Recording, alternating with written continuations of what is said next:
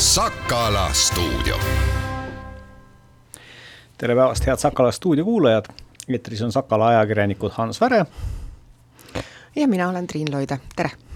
ja helipuldis aitab meid Kaie Mölter, et tuua teieni äh, meie mõtted äh, ja analüüsi olulisemate teemade kohta, mida oleme Sakalas viimase nädala jooksul valgustanud. ja tegelikult äh, on see üks selline suur teema, mulle tundub äh,, või vähemalt kõik on sel-, sellega seotud, see on hinnatõus äh,, aga siin on äh, kaks äh, sellist erinevat poolkera, millest me nüüd rääkima hakkame, et, et et alustaks võib-olla sellest, mis on ka tervise mõttes meil siin praegu esiplaanil, ehk siis hooldekodudes andis Terviseamet teada, et, et on puhkenud uusi koroonakoldeid, see puudutab siis üle-eestiliselt, mitte nüüd konkreetselt Viljandimaad, aga äh, osaliselt koroonast tulenevalt on äh, äh Pärsti pansionaadis äh, tekkinud selline mure, et, et äh, inimesed on, äh, töötajad on väga väsinud, osadel oli seal ka siis mitte nüüd koroonast tingitud, aga teisi terviseprobleeme, mistõttu nad jäid pikemaks ajaks haiguslehele ja tekkis tööjõupuudus. Ja kui noh, kus sa seda tööjõudu nüüd siin ikka sel ajal leiad, kus kõigil teistel sama, sama ala asutustel seda napib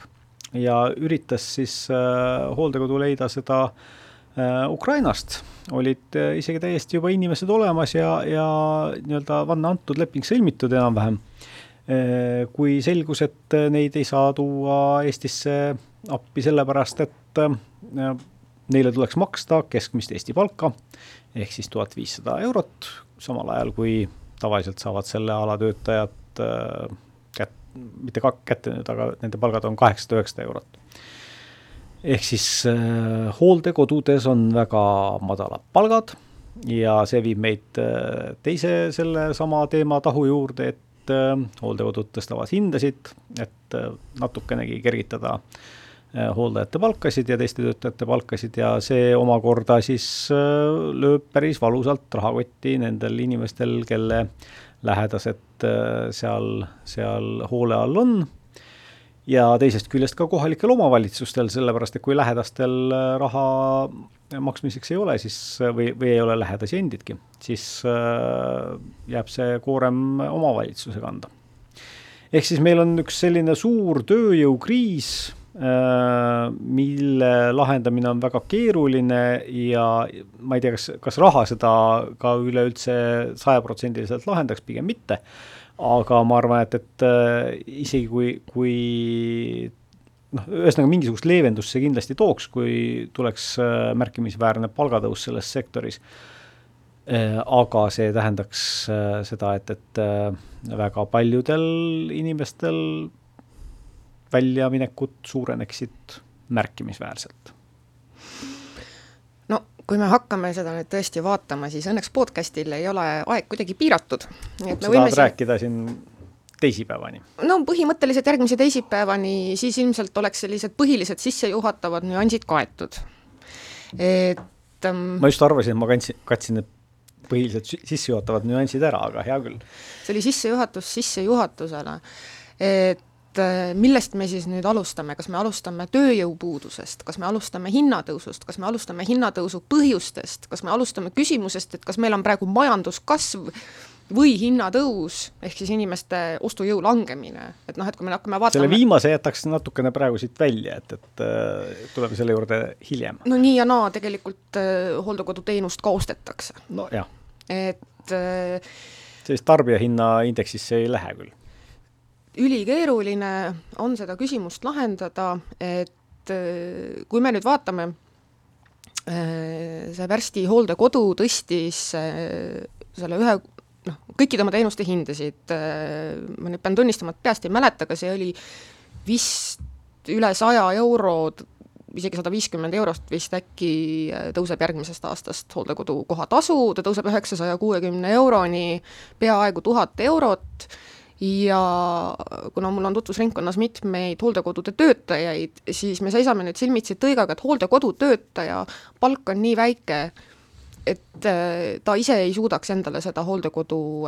kohta võimaldada. kui ta kogu oma palga selle jaoks ära maksaks, sa mõtled? Jah, et no see, see, see, mis ütleme, see netopalk, mis kätte tuleb, on nii väike, et selle eest ta ise ei saa seal hooldekodus olla. kui me nüüd mõtleme, et pensionärid saavad veel vähem kätte, et noh, et pensioneid küll, no pensioneid tõstetakse iga aasta hästi natukene ja tavaliselt need hooldekodude kohatasude tõusud on kas täpselt võrdsed või natuke suuremad. nii et see lõhe hooldekodu kohatasu ja pigem ikka suuremad vist, jah? ja selle pensioni vahel kasvab kogu aeg, ma hakkasin praegu arvutama, kui mul oleks üks väike koolilaps, üks laps, kes käiks lasteaias ja mu vanaema oleks tarvis hooldekodusse panna, siis noh, kuna ma ei ole miinimumpalgaline, ma arvan, et linn ei tuleks mulle appi, mulle tundub kõige lihtsam lahendus, noh, ma ei tea, kõlab, kõlab morbiidselt, aga no ma, ma, ma ei tea, ma ei saa, ma ei saa nälga surra, ma pean siis vargile minema, et oma pere toita või ma ei kujuta ette. ei lähe kokku Sakala ajakirjaniku eetikaga, ma pean ütlema. nojah see on, see on tõsi, aga et noh, et umbes, et see vahe, mis jääb pensioni ja hooldekodu kohatasu vahele, on siis umbes neli-viissada eurot ja kui ma peaks seda lisaks kõikidele kuludele maksma,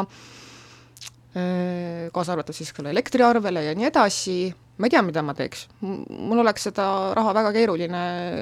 kusagilt leida ja mul selles mõttes veab, et mul on ainult üks vanavanem.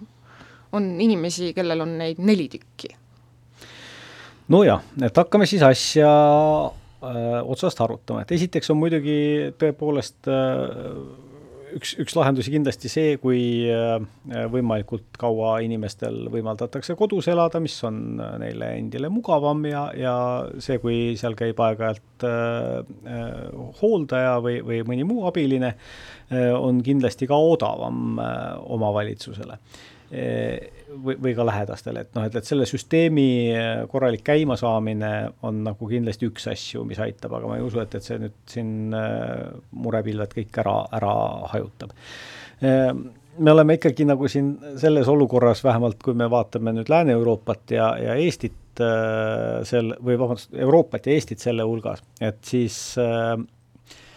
selles olukorras, kus äh, elanikkond vananeb, see tähendab, et nad vajavad rohkem hooldust ja samal ajal neid inimesi, kes võiksid seda hooldust pakkuda, neid jääb vähemaks. Ja see on ka üks äh, üks neid äh, valdkondi, kus tegelikult väga keeruline on näiteks ka automatiseerida, et kui me tootmises või, või, või isegi osasid valgekrae töökohtasid saame juba viia arvutitesse üle, siis, siis hooldus on selline, mida äh, no ikka lähiajal naljalt ei saa. et äh, noh, üks variant tegelikult minu meelest on äh, selle juures ikkagi see, et, et, äh, et teha erandeid välistööjõu kasutamisele. et ega tegelikult Ukrainast hooldajate toomine ei ole selles suhtes hea lahendus. et et äh, inimene, kes on hooldekodus, ei vaja ju ainult seda, et, et tema, tema füüsiliste vajaduste eest hoolitsetakse, ta tahab äh, äh, natukene ka rääkida ja, ja et temaga oleks selline inimlik kontakt. Ja kui noh, võib-olla paljud vanemad inimesed ka oskavad vene keelt, aga, aga noh, tegelikult ikkagi tahaks oma emakeeles rääkida et siis, siis äh, see, kui hooldaja on võõrkeelne, ei ole kõige parem. see võib olla lausa ohtlik, sellepärast et kui inimesel on mäluhäired või dementsus, esiteks ta unustab selle võõrkeele ära, ta ei tea, et seda on vaja kasutada ja, ja võib olla väga palju vaja sellist ridade vahelt lugemise oskust, äh, mis on probleem, kus on probleem äh, ja kuidas seda lahendada. no ja eks seal töökorralduslikult saab ka võib-olla ikkagi niimoodi teha, et, et need, kellel keeleoskust ei ole, et need teevad selliseid töid, kus nad ka väga otseselt kokku ei puutu siis klientidega aga äh, kus on siis praegu see põhjus, miks neid äh, tuua ei saa, on see, et, et äh, tuleb seaduse järgi maksta Eesti keskmist töötasu ja samal ajal on, on töötajate töötasu tunduvalt väiksem. kui me suud-, suudaksime maksta Eesti keskmist töötasu, siis mina ei tea, et, et kusjuures see kohatasu on äh, isegi suurem kui, äh, kui töötasu väga mitmel juhul, see sõltub ka nüüd hooldekodust väga palju. aga et noh, et, et kui me tõstaksime ta siis sinna, äh, kui me tõstaksime palga sinna Eesti keskmise juurde, siis noh, et on üsna tõenäoline, et, et see, see, kui ka kohatasu ei jõua päris tuhande viiesaja euroni, mis praegu on umbes Eesti keskmine palk siis äh, no ikkagi ta tõuseb, äh, ma usun, et kaks-kolmsada eurot vähemalt selle mõjul. ehk siis jällegi, et kui me räägime praegu on saja kahekümne või saja viiekümne eurone kuutasu tõus on ikkagi üüratu inimesele, et, et kui, kes saab isegi äh, suhteliselt kõrget palka, siis see on väga suur väljamineku kasv. siis noh raske on ette kujutada, et kust äh, võtaksid lähedased selle raha, et, et äh, tulla toime tunduvalt suuremate summadega. sellisel juhul oleks juba palju mõistlikum palgata sellele vanakesele erahooldaja? no vot jah, see erahooldaja on ka selline asi, et, et kui me räägime nagu selle, selles aknas, et, et vanakest hooldatakse nii-öelda kaheksa tundi päevas, sel ajal kui siis omaksed on äh, on äh, tööl ise pal-, palka raha teenimas, et, et siis äh, oleks odavam, aga teda on ju väga sageli vaja hooldada ka õhtustel ja öistel tund-, tundidel, noh, see on see, see omastehoolduse väga valus ja keeruline teema üleüldse, et, et inimesed, kes äh, ongi oma lähedase hooldamisele keskendunud või pühendunud, et, et nendel, ega neil praktiliselt ju mingisugust muud elu selle kõrval ei ole. Puht inimlikult ma leian, et kui ma pean maksma, ütleme noh, see kohatasu on ütleme siis tuhat viissada, ütleme ümmarguselt äh, pensionist pension katab sellest ühe kolmandiku, ma pean tuhat eurot juurde maksma, ma sellisel juhul palkan selleks äh, päevaseks ajaks erahooldaja, õhtul ja öösel hoian ise silma peal, magan kas või kõrval samas toas, ma hoolin oma lähedasest, äh, mulle ei tundu inimlikult kui kaua sa suudad seda, Triin, teha selles suhtes, et, et, et sa pead päeval minema tööle, sa pead olema puhanud samas äh, dementsetel vanuritel väga tihti on päev ja öö sassis, eks ole, on ju, et, et äh, ta on öösel ärkvel, äh, noh, liigub ringi ja, ja jaa, see on tõsi, ma saan sellest aru, noh et kui tõesti ei ole üldse võimalik, siis on, siis on teine asi, aga ega mu süda ikkagi rahule ei jääks sellega, et et eh, noh, eks siin ole nii mõnelegi hooldekodule ettekirjutusi tehtud, eh, mõtleme Mulgi Häärberile, aga tegelikult nii palju, kui mina tean, siis see, et eh, näiteks öösiti ongi terve maja peale üks-kaks hooldajat tööl, see on täiesti tavaline. et noh, et ma ei, ega ma ei tunneks ennast väga mugavalt jättes ööpäevaringset hooldust vajava inimese äh, nii kalli raha eest äh, hooldekodusse, kus ma ei saa kindel olla, et ta ka tegelikult seda teenust saab, et äh, noh, ja seda teenust muidugi annaks parandada sellega, kui oleks rohkem töötajaid ja siis me takerdume raha küsimuse taha ja selle raha küsimuse juures ma ma ei oska öelda, ma arvan, et mitte ükski hooldekodu, kui ma astuksin neil uksest sisse, ütleks, ütleksin, et palun näidake mulle oma nagu tulusid ja kulusid rida-realt. et kas on võimalik tõesti see, et te teenite nii vähe, et teil ei ole võimalik maksta oma töötajatele sellist palka, mis võimaldaks nendel töötajatel sealsamas hooldekodus ise olla näiteks? no ma ei tea, väga paljud hooldekodud on ju omavalitsuste eelarvelised asutused ja, ja sealt ei võeta mingisugust dividendi välja või, või äh, ei tekitata tulusid, ülejääke. Sellisel juhul ma ei tea, kuidas see süsteem on. Meil selline, on väga paljusid riike, kus pension katab hooldekodu kohatasu. võib-olla seal on pension suurem? no miks on pension suurem, eks ole, noh, me jõua, jõuame sest et üks... seda on aastakümneid rohkem ka kogutud. see ei ole puhtalt riiklik pension. no see Eesti Vabariik on kolmkümmend aastat vana juba, ma ei tea, ma ei noh, ma ütlen, et ük-, ükskõik mida, paljud inimesed, kes on hooldekodudes, on seal juba kakskümmend aastat äh, pensionil olnud näiteks. Noh, et ükskõik, mida me ütleme või, või, või vaatame, igast teemast hargneb kolm uut teemat ja kolm uut küsimust, et seda on väga raske kuidagi äh, kokku võtta. jah, see, ja see, ja seda ongi ääretult keeruline lahendada, sellepärast et see ei lähe nagu kuskilt otsast paremaks, ma mõtlen demograafilise situatsiooni tõttu juba ja kui me ka seame sisse näiteks äh, siis omastehoolduskindlustuse -hmm. millest on siin hästi palju räägitud, siis jah, see jaguneb äh, rohkemate inimeste, see koormus äh, jaguneb rohkemate inimeste vahel solidaarsemalt, aga sisuliselt on ikkagi vaja see raha ju leida. ja, ja siis kannavad seda, seda kõik mingisuguse väiksema summa aga kui me nüüd tuleme tagasi selle juurde, et neid ukrainlasi ei lubatud tööle võtta,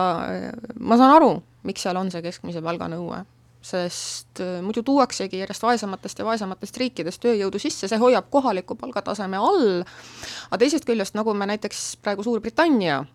näitel näeme, äh, enne Brexitit taoti kõvasti trummi, kuidas äh, idaeurooplased tulevad ja võtavad meie töö ära, tehti siis suur uhke Brexit, praegu ollakse seal riigis nii miinuses kui vähegi võimalik, ja selgus, et kohalikud ei taha neid töid teha ja idaeurooplased ka enam ei taha tulla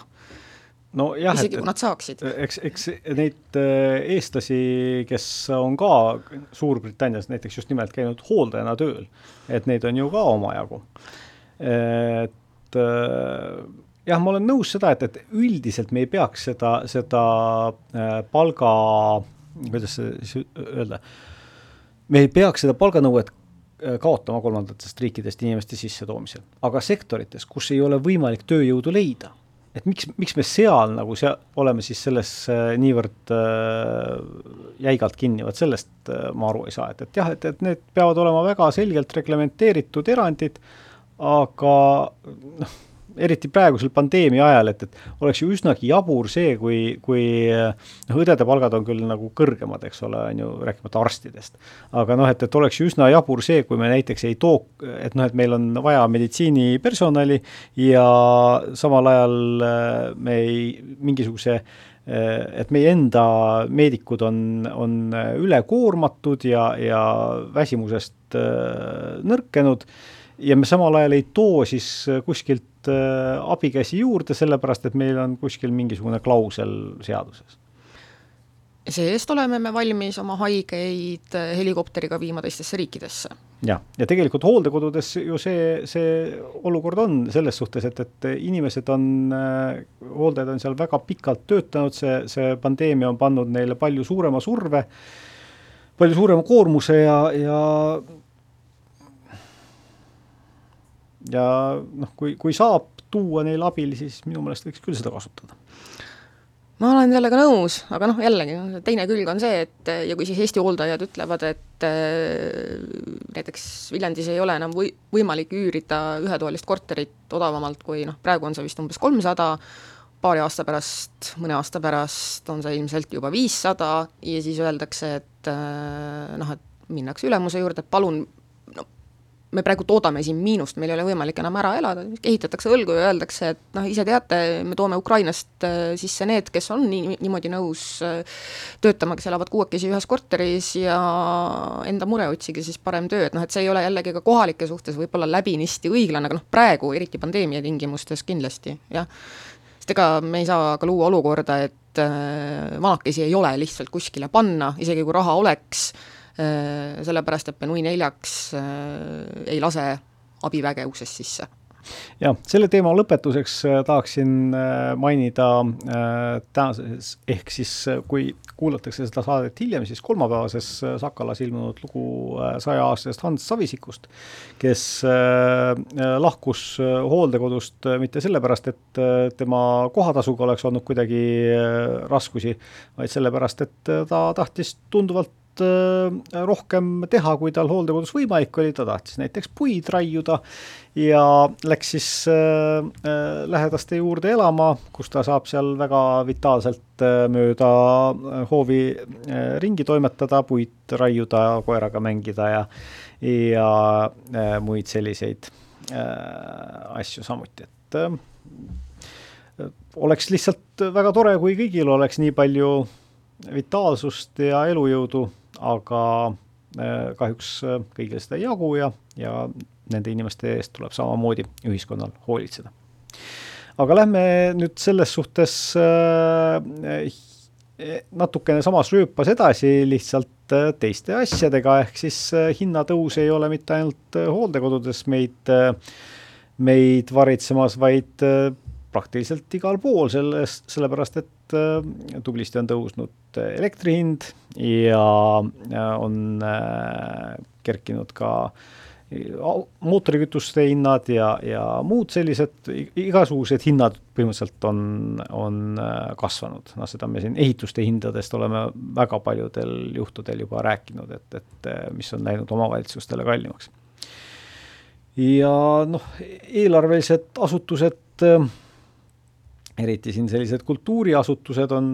väga keerulises seisus, sellepärast et, et nende äh, Äh, eelarves pole seda ette nähtud ja samal ajal on praegu selline aeg, et ei saa ka kuidagi, äh, kuidagi noh, lisa teenida äh, mingisuguste muude ürituste või asjadega. ja isegi näiteks Viljandi jäähall, kus ei ole kunagi olnud nii palju kliente kui praegu, sellepärast et Lätist tulevad inimesed uisutreeningutele, kuna seal see piirangud ei luba Äh, selliseid tegevusi ja Kohtla-Järvel on jäähall kinni ja, ja sealt tullakse siia äh, jääd proovima. et äh, ka seal on tõstetud hinda nii palju, et, et hokiklubi ja, ja uisu, uisutajate esindajad saatsid linnavalitsusele väga, väga musta Estonias abipalve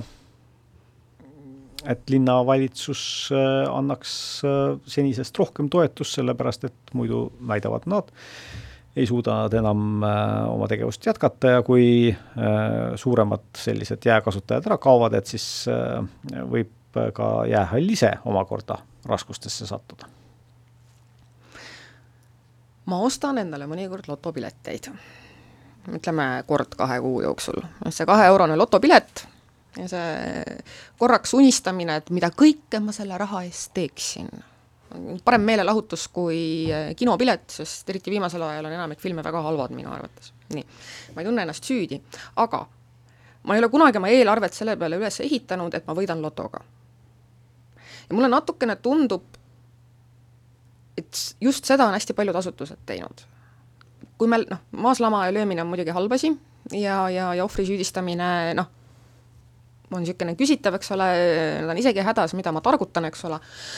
aga sellest, kui me, see börs, börsielekter tuli, sellest ju räägiti nii palju, igal pool, igas kanalis, ma mäletan, et äh, arvamuslood, raadiosaated, telesaated, Aktuaalne kaameras oli igal pool rõhutati, et jah, see börsihind võib olla odavam kui äh, fikseeritud hind, ta võib olla ka oluliselt odavam, aga pikas perspektiivis noh, me räägime siis ikkagi viiest või kümnest aastast, ei tule see vahe tõenäoliselt äh, noh, väga, väga palju kasumlikum, sellepärast et börs liigub üles, börs liigub alla. Äh, miks ei ole siis eelarvetes seda kas või natukene arvesse võetud? jah, ka mina ei ole äh, kunagi arvanud seda, et ma suudaksin elektri hinna liikumist paremini ette näha kui professionaalsed maaklerid ja, ja olen äh,, aga võib-olla ma olen ka lihtsalt liiga laisk et ma olen jäänud siis selle äh, fikseeritud paketi juurde mm ega selles suhtes jah, ma, ma ei kujuta ette, et, et need, kes nüüd börsipaketti kasutasid, et kas nemad äh, on äh, sel ajal, kui, kui olid näiteks päris nullilähedased päevad, et kas nad panid siis selle elektrile eelarves mõeldud raha kõrvale, et, et juhul, kui kui hind äh, ülespoole läheb, et, et siis, siis seda, seda kuskilt võtta oleks, ilmselt enamik vist ei pannud. Et ma tõesti ei tea, mul on ka fikseeritud pakett, keskmiselt maksan ma ühe kilovatt-tunni eest kaksteist senti, mul on elektriküttel korter, katusekorter kõrgete lagedega ja minu elektriarve oli sada viiskümmend kolm eurot oktoobrikuu eest. Aga sa ju adud ka seda, et, et kui äh, tuleb aeg uuesti fikseerida see hind, et, et see ei ole ju lõputult äh, praegu paika pandud sul, et siis, siis see uus fikseering tuleb paratamatult ka juba kõrgem ma põletan selle silla siis, kui ma selleni jõuan. no vot, seda mõtlesid täpselt needsamad äh, ettevõtted ja inimesed ka, kes börsipaketti kasutasid. ja ma ei ole üldse kindel, võimalik, et see börsihind oleks ikka odavam mul on kuidagi raskuseid väljaarvutamisega, nad räägivad sellest elektri hinnast, aga mida Vaat see seda me ei saagi praegusel hetkel teada, sellepärast et me ei tea, mida see börsihind ka edaspidi teeb. Et kui meil ikkagi tuleb siin kõvasti tuult Põhjamerel ja, ja kõvasti sademeid äh, hüdroenergia piirkondades, et, et noh, et siis võib-olla varsti enam ei olegi see olukord nii hull. aga ühesõnaga äh, targutada äh, sellises olukorras, noh, mul on muidugi hea, eks ole, mul on eelarve paigas, ma tean, palju mu elekter on, ma tean, palju ma tarvitan, aga mida teha nende, nende ettevõtetega, kes nüüd tõesti hädas on, sest eks see börsi odavam elekter oli väga paljudele ettevõtetele koht kokkuhoiuks. Et äh, kui me siin rääkisime sellest, et töötajate palgad ja nii edasi, neid võiks tõsta, pange siis oma putka kinni, kui te ei suuda normaalset palka maksta ja siis noh, teisest küljest heita ettevõtetele ette seda, et nad ei tõmba siis kulusid kokku, kui nad seda teha saavad, noh, silmakirjalik, eks ole. Ma arvan, et siinkohal võiks riik ajutiselt näiteks appi tulla, aidata selle talve üle elada. aga riik ongi tulnud ja võrgutasusid ju alandanud. no võrgutasud on suhteliselt väikesed, suhteliselt väike osa vist, ju. et noh, igal, igal juhul sõltub tarbimisest väga palju. sõltub tarbimisest, jällegi üks teema, mis on hästi, hästi keeruline see, ja hargnev. see on nagu kergesti administreeritav. aga vot just nimelt, et see on see asi, mille, milleni ma arvasin, et me, me jõuame ja, ja ega ma ise ilmselt olen ka sedasama öelnud, et noh, et, et see raske aeg nagu tuleb üle elada ja, ja äh, eks siis ütleme, nendel, kes, kes on äh, päris toimetuleku piiril, et nendele tulevad ju appi ka omavalitsused, aga jällegi, et me jõuame sin-, sinnamaani välja, et omavalitsus peab aitama kanda äh, hooldustasusid äh,, riik peab aitama kanda hooldustasusid, riik peab äh, tasuma osaliselt elektri eest, mis on kole kallis. et äh, noh, me-, meenub äh,, meenub äh, anekdoot Vene uusrikkast, kelle uhket villat tuli maksuametnik inspekteerima ja, ja ütles, et ta kahtlustab, et see villa on ehitatud maksumaksja raha eest, mille peale uusrikas ütles, et no kuulge, kust maksumaksjal selline raha. sa tahad no, jõuda sinna, et riik ja omavalitsus, need oleme meie. just mm. -hmm. see on nüüd eks selline vaidlus, mida ma olen hästi paljude inimestega pidanud Äh, peamiselt äh, parempoolsete vaadetega inimestega, äh, mis jõuab selleni, et kui me aitame teisi inimesi, siis seda mitte südameheadusest või mingisugusest nõretavast südamest või no mis, mis, noh, mis, mis, mis iganes solvanguid suudetakse välja mõelda, küsimus on selles, et mida paremini meie kaaskodanikud hakkama saavad, seda paremini saame hakkama meie see ei tule mulle kuidagi kasuks, kui ettevõtted hakkavad uksi kinni panema, sest nad ei suuda elektriarvet tasuda. see ei tule mulle kuidagi kasuks, kui äh, minu naaber ei suuda oma elektriarvet maksta ja, ja, ja teeb näiteks katse seda elektrit majalt varastama hakata või, või, või, või lendab lihtsalt tänavale. et äh, see vastab muidugi tõele, aga ikkagi meil on äh, siin meil on siin üks selline ühik äh, või üks, üks katel, eks ole, on ju, et kus, kus meil on äh, raha sees, me võime seda ühest taskust teise liigutada, aga me, me ei saa jõuda selleni, vähemalt mitte pikas perspektiivis, et riik äh, doteerib oma, oma ettevõtjaid ja, ja inimesi ja siis et noh, et kust riik raha saab, aga maksudest, noh et, et ainukene variant ongi siin see, et, et et raha tuleb kuskilt väljast sisse, kust ta väljast peaks siis tulema, võib-olla Euroopa Liidust, noh jah, tulebki läbi taasterahastu ja, ja läbi rohepöörde võib-olla. et aga pikas perspektiivis see ju ei, ei päde, noh üleüldse siin ongi see, see küsimus, et kui palju siis see kui palju meil on selle energiakandjate hinna juures mõjutada, et me ei saa Putinile äh, selgeks teha, et gaasi hind peaks olema odavam. Äh, me, meil on võimalik äh, võib-olla siin neid rohepöördeprotsesse natukene siia või sinna mõjutada ja kindlasti kui see protsess on paremini juhitud, siis, siis ta kulgeb ka sujuvamalt ja noh, väga, väga elementaarne näide on ju siin see, see Saksamaa üsnagi äh, ennaktempos äh, tuumajaamade sulgemine, ehk siis äh, üks väga suur energiatootja on, on äh, turult äh, kadumas või kadunud. et äh, söejaamadega on samuti kavas teha äh, üks-ühele, et, et aga söejaamade osa, osa või söejaamade erinevus on siis see, et, et, et need, need on kliimale ka väga selgelt kahjulikud, tuumaenergia ei ole. Äh, ja mida me saame teha kindlasti, on see, et, et ikkagi suurendada energiatõhusust. et äh, ka need ettevõtted, kes kes elektrit väga palju kasutavad, et, et ka nemad saavad ju minna üle. no ma ütlen, et, et, et need on nagu mingisugune see ei ole nüüd võluvits, see on mingisugune üks raoke sellest kimbus võib-olla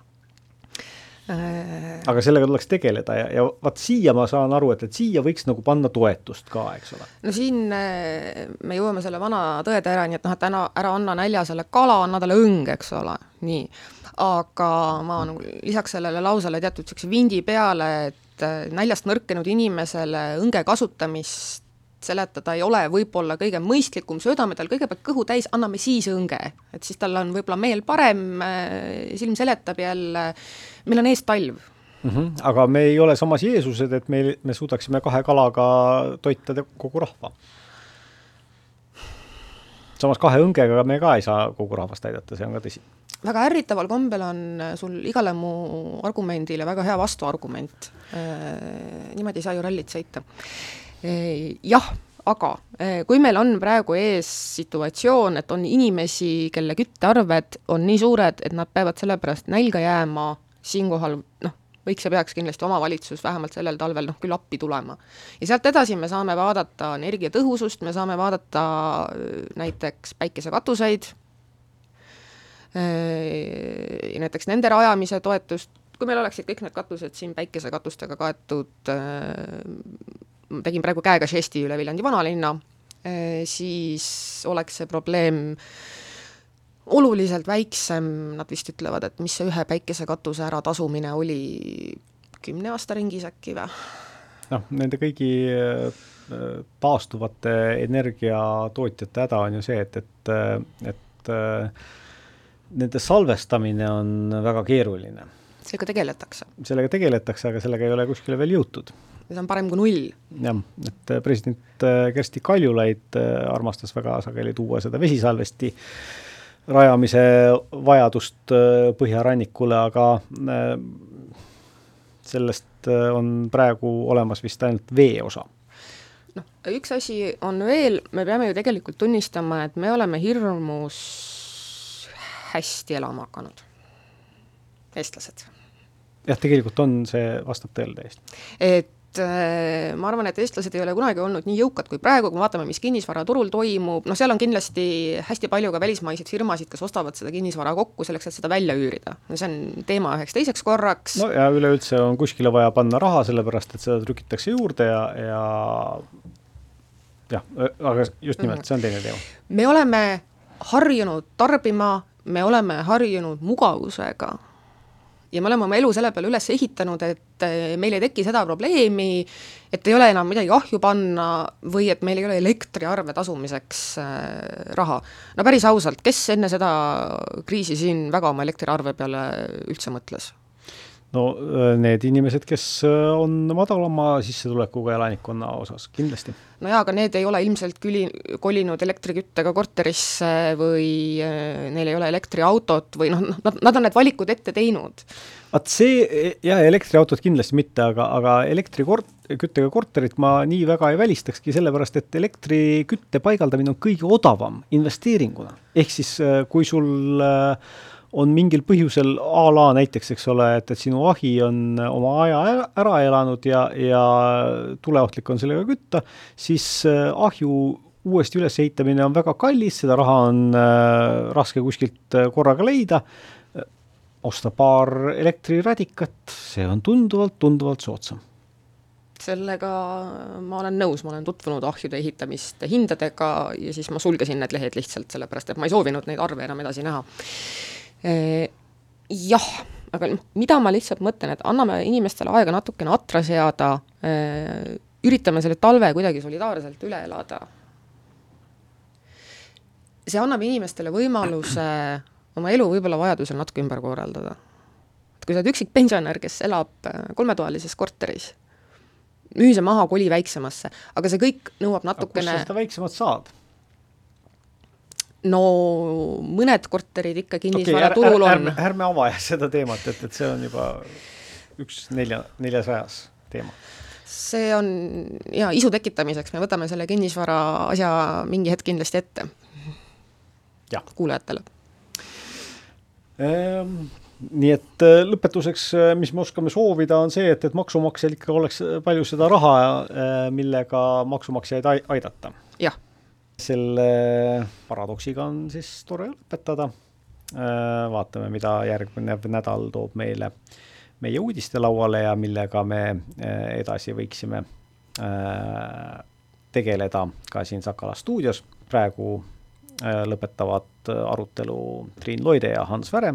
helipuldis oli Kaie Mölter. aitäh teile kuulamast